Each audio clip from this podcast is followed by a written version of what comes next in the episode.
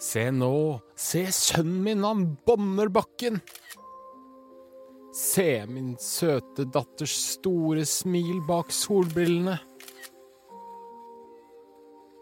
Se hvordan huden vår gløder her i solveggen. Ah. Se hvor idyllisk vi har det her på hytta. Hedvig Montgomery, i dag skal vi snakke litt om iscenesettelse.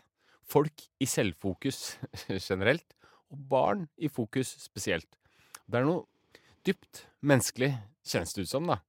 eh, Ved å eksponere de positive sidene ved barna våre. For vi kan klage over at barna og tenåringene selv er opptatt av å ja, jåle seg til og ta bilder av seg selv og sånn, men vi klarer jo ikke å holde igjen selv. Og hvor kommer dette behovet, eh, for ikke å si kraften, fra? Altså, ønsket om å vise frem seg selv på sitt beste har vært der så lenge mennesket har kunnet avbilde seg selv. Ja. Eh, Så det å legge an fotominen går det ganske kjapt å lære seg. Ja. Det å vise frem det man får til, og det man lykkes med, og det som er fint, er jo også fordi det ligger en stolthet i det. Mhm. Også fordi man selv vet jobben bak. Så den som eh, attpåtil er så heldig at han eller hun har fått et barn, vet også at den der enorme stoltheten over akkurat ditt barn, som er litt finere, som er litt mer for seg enn absolutt alle andre barn du har truffet, det ligger også dypt genetisk i oss.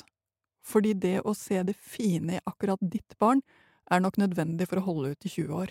Og det er også en viktig ting å, å huske på, det er at noe av det første barna lærer seg å si, den første toordsetningen, Mm. er 'se meg'. Ja, er det det? Ja. For nesten alle. Fordi det å få det voksne blikket, det å få den favorittvoksnes øyne på seg når du får til noen ting, det er noe du ønsker deg, som det lille barnet ønsker seg. Så når toåringen endelig klarer å få fart på den huska, så er se meg noe av det som kommer til å boble ut av en glad barnemunn. Og da gjelder det jo at foreldrene ser opp fra mobiltelefonen. Ja, det var det. Uansett. Vi er mange som syns det er vanskelig å holde igjen. Som du var inne på, vi er jo så stolte, og selv så synda jeg litt eh, sist helg, hvis jeg skal bruke et ord som synde. Jeg var ute på ski med sønnen min, og vi hadde med spade, og vi bygde et hopp. Og så var det den derre vanvittige komboen av mestringsgleden jeg så, sola som skinte, Kvikk Lunsjen vi hadde med, og den der generelle kvalitetstida som gikk opp i en sånn høyere enhet. Og jeg kunne jo bare spart det i hjernen og hjertet mitt, men jeg måtte bare dele disse 50 cm-hoppene på Instagram. Og fra et psykologisk perspektiv, siden nå du sitter her, var det dumt, eller er det dumt? Hva tenker du? Det er jo et godt spørsmål, og jeg får det faktisk forbløffende ofte. Fordi på en måte så er det noe dypt menneskelig i å ville dele denne enorme gleden og stoltheten. Og det er også noe med at delt glede er faktisk mer enn dobbel glede. Så når andre også blir begeistret, så er det noen ting som, eh, som øker din egen stolthet og begeistring. Så du deler jo et øyeblikk nettopp fordi du ønsker å gjøre det enda større. Ja. Men så er det noen ting med det som kanskje ikke er like bra, og det er at når du bruker den tiden på deling, sjekke telefonen etterpå hvor mange som har kommentert eller tar tommelen opp, så tar du bort noe av den delte fellesopplevelsen som du og gutten din hadde i bakken. Mm. Så du gjør rett og slett noen ting til mindre skinnende og privat for dere to, fordi du har vist det frem for alle andre. Så her hører du at det er det er ikke så enkelt som at den der doble gleden som, som gir en liten rush, nødvendigvis er verdt det. Det kan faktisk være at det å gjøre det til dette øyeblikket som er akkurat bare dere to har med dere, er vel så fint for hans følelse av å være med deg. For han kjenner jo ikke alle dine Instagram-venner, og faktisk ikke, det er ikke engang han som får det inn. Eh, Det å lære seg at den gleden du og jeg deler, er viktigere enn med alle de der ute som vi knapt nok kjenner, er også en viktig lærdom. Mm. Og så kan man finne på å Jeg tror ikke jeg gjør det så ofte, altså, men jeg har, ser det jo stadig vekk. eh, foreldre som begynner å instruere eh, og iscenesette en slags idyll, på en måte. Mm. Og da tenker man er, det er jo ikke helt bra. Jeg tror vel alle som var hos fotografen som barn, det var faktisk ikke min familie, men jeg har jo hørt mange som uh, har hatt den der følelsen av å bli gjort til noen ting man ikke er, Mm. er helt uh, faktisk litt knugende. For hvis det er det, slik jeg burde ha vært, som jeg ikke er, hvem er jeg da? Så hver gang et barn blir instruert til å gjøre noe ting annerledes eller igjen, eller altså du ikke har fått fanget det øyeblikket, så er du sannsynligvis med på å få barnet til å føle seg litt dårligere som han eller hun er.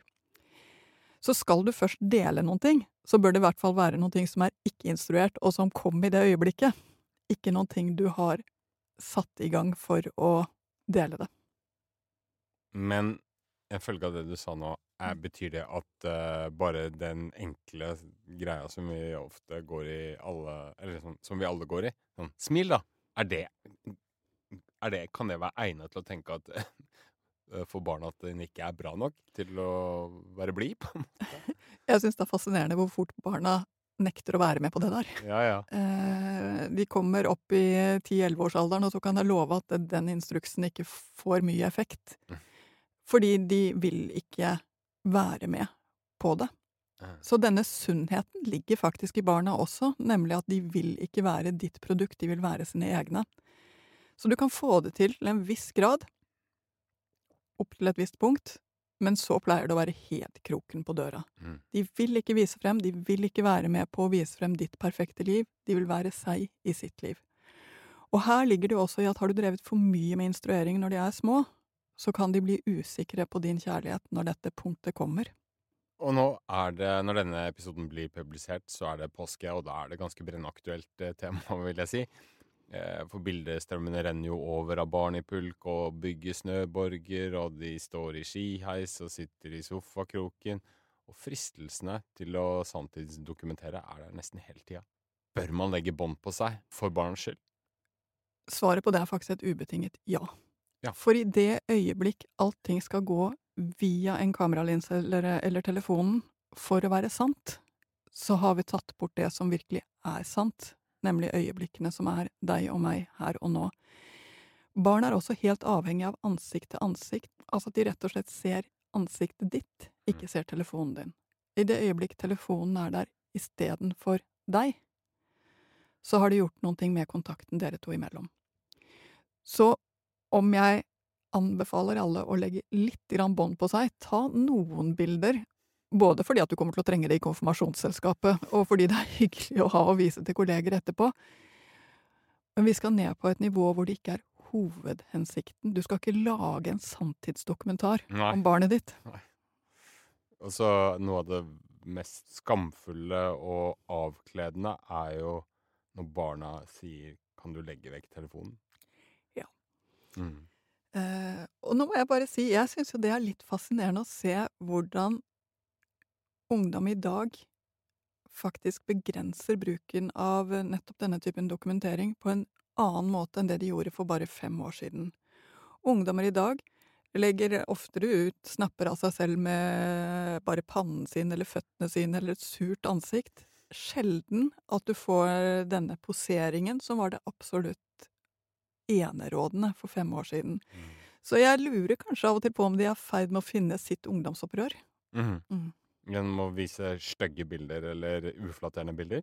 Ja. Mm. Ikke legge ut det som eh, ser ut som det er eh, toppredigert. Det har mistet sin verdi, rett og slett. Så jeg tenker at det å finne sin måte å håndtere dette her på, holder barna på med.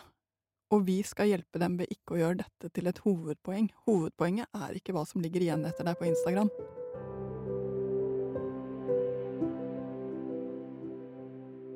Det er jo en evig pågående debatt om deling av barnebilder på sosiale medier. Og, men som prinsipielt, hva mener du da? Bør man helst unngå det?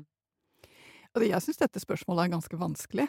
Mm. Fordi hvis du sier at barn aldri skal være en del av det du viser frem, så blir jo barn borte fra samfunnet på en måte. Sensurert bort på et vis? Ja, eh, og ikke bare det, men hva slags sannhet er det om ditt liv, hvis ikke det viktigste i ditt liv er med? Mm. Så for meg handler det ikke om å Altså, jeg tror nok det viktigste er å ikke gjøre barna til ditt produkt, men til seg.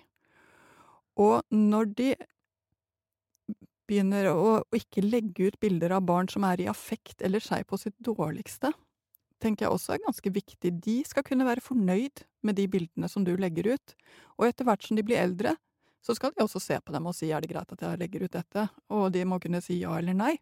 Når jeg er eldre? Og det er også et godt spørsmål, for det kommer litt an på barna. Eh, men fra denne selvbevisstheten kommer inn i syv-åtteårsalderen, så er de helt klart i stand til å vurdere det på, på en eh, etter hvert mer og mer presis måte. Så du må alltid gjøre vurderingene, for som forelder er det du som eh, tar valg på barnets vegne. Du skal ikke legge ut bilder av barn i sårbare posisjoner, barn, bilder som er vanskelig å se på i ettertid for barnet selv. Du skal ikke legge ut bilder som eh, gjør at hele tiden så er det barnet som er i fokus, for det er slitsomt å være hovedperson hele tiden også. Så hvis barna får inntrykk av at det er de som er hovedpersonen fordi det hele tiden legges ut, så kommer de til å bli kjempeslitne. Mm. Eh, fordi det å hvile, det å være bare seg, er egentlig noen ting som krever at kameraet legges vekk. Og så er det noen som eh, løser dette her med å legge på sånne stickers eller sånne emojier og sånn over ansiktet. Hva tenker du om det? egentlig? Det tror jeg faktisk ikke hjel hjelper noen ting. Eh, og på en måte så er det Her kan man sikkert mene forskjellige ting, kanskje er det en smaksting, men for meg blir det ting umenneskeliggjørende igjen av barnet, ting som skal sensureres bort. For min egen del så legger jeg ut lite, av barna, lite bilder av barna, og jeg prøver å gjøre, legge ut bilder hvor de ikke hvor ikke ansiktene eller Altså, det er mer en slags illustrasjon på det vi holder på med, enn det er dem som stjerner, som jeg prøver å, å legge ut, hvis du skjønner forskjellen. Mm. Men jeg tror jo altså at her må man finne litt grann sin families nivå og sine barns eh, nivå på det. Reportasjebilder er jo gjerne de beste. Så et frosset øyeblikk fra et liv, Mm. eh, det er jo kanskje fint. Kan være fint. Jeg må jo også si at det er noe veldig, veldig fint i at man nå kan dele med sin nærmeste familie ting som gjør at de føler at de er med på familielivet, også når de kanskje ikke har anledning til å være med på en reise på grunn av sykdom eller avstand eller hva, økonomi eller hva det nå kan være for noe.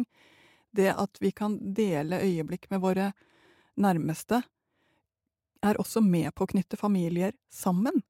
Og jeg tror kanskje er det her ligger litt av kjernen i det vi snakker om. Hvem er det egentlig du deler med? Mm. Du trenger ikke å dele det bildet fra solveggen med absolutt alle dine venner, men kanskje kan du dele det med besteforeldre, og også si det. 'Jeg tar et bilde til mormor og morfar. Eh, er det greit?' Eh, og da kan du også komme tilbake igjen med 'Å, de ble så glad, syntes det var så hyggelig at du hadde på deg genseren', eller et eller annet sånt. Det kan altså føre oss tettere sammen hvis vi bruker det på en klok måte.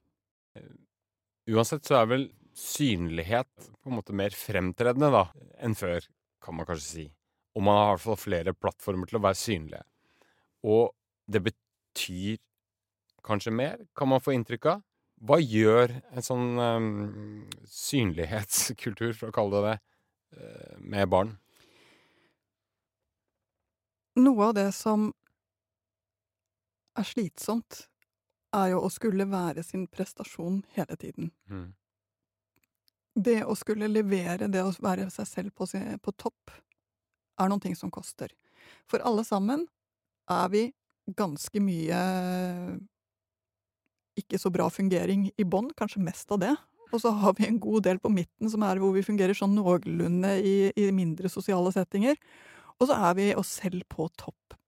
Men det er spissen av pyramiden. Vi er lite av oss selv på topp. Ja, 2% kanskje, maks. Ikke sant? Og hver gang du er deg selv på topp, så koster det. Det koster noen ting. Og det koster å ta imot tilbakemeldinger.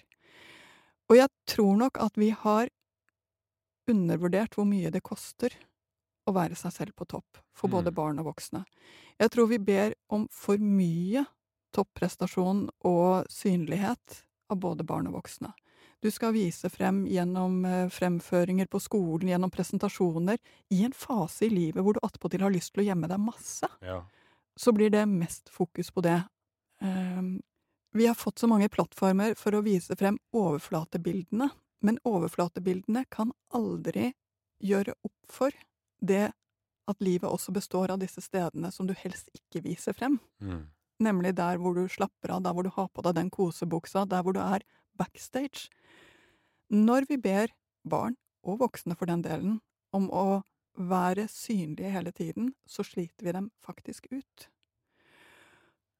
Så skal du vise frem noen ting fra topp, så skal du være klar over at det koster, både for den som viser det frem, koster å komme seg opp dit, koster å prestere der, men koster også å slappe av, gå ned igjen til der hvor du bare er deg på de dårligste, som du også er.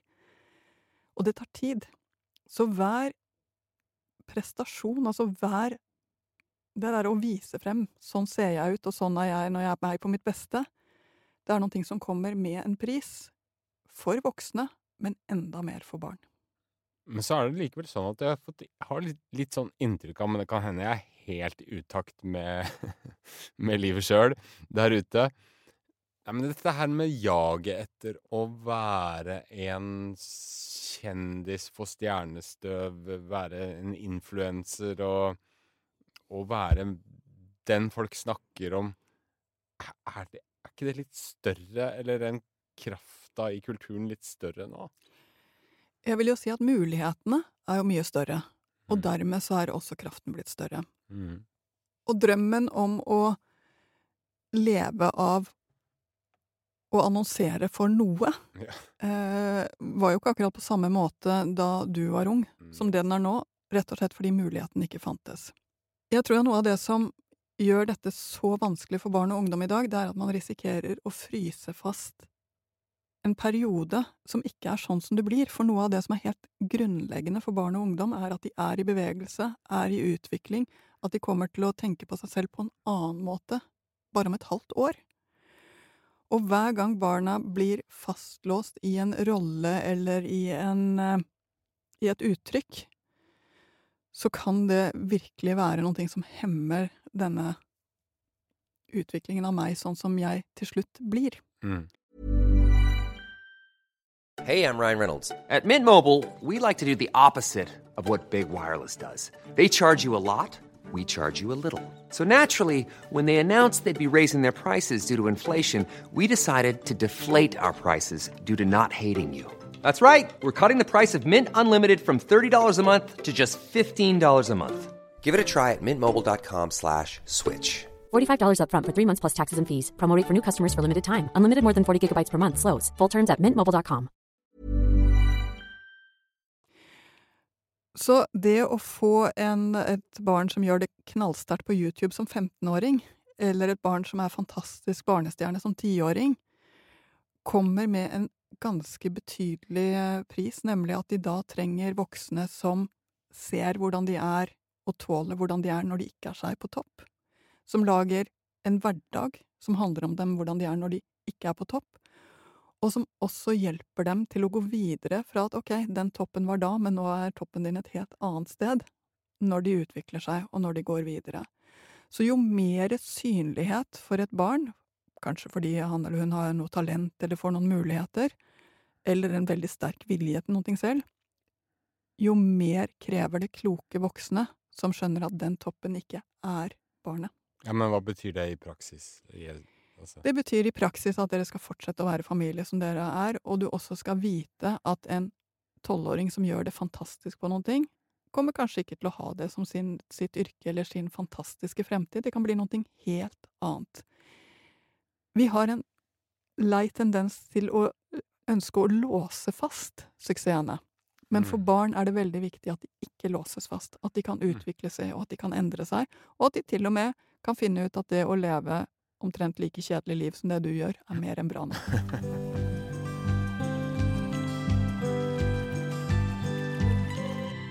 Ja, du var litt inne på det å være liksom en barnestjerne, eller en, en som skiller seg ut, da.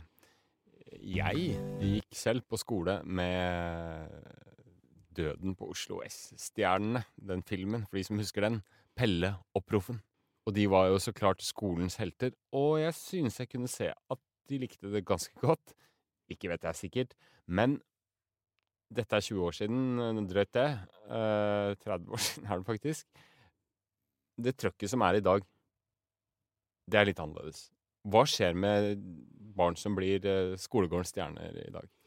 Altså På en måte så tror jeg nok at det du så som barn av disse jevnaldrende, nemlig at du, fikk, at du så litt opp til dem Ja, ja, fordi de hadde fått til dette her, Selvsagt.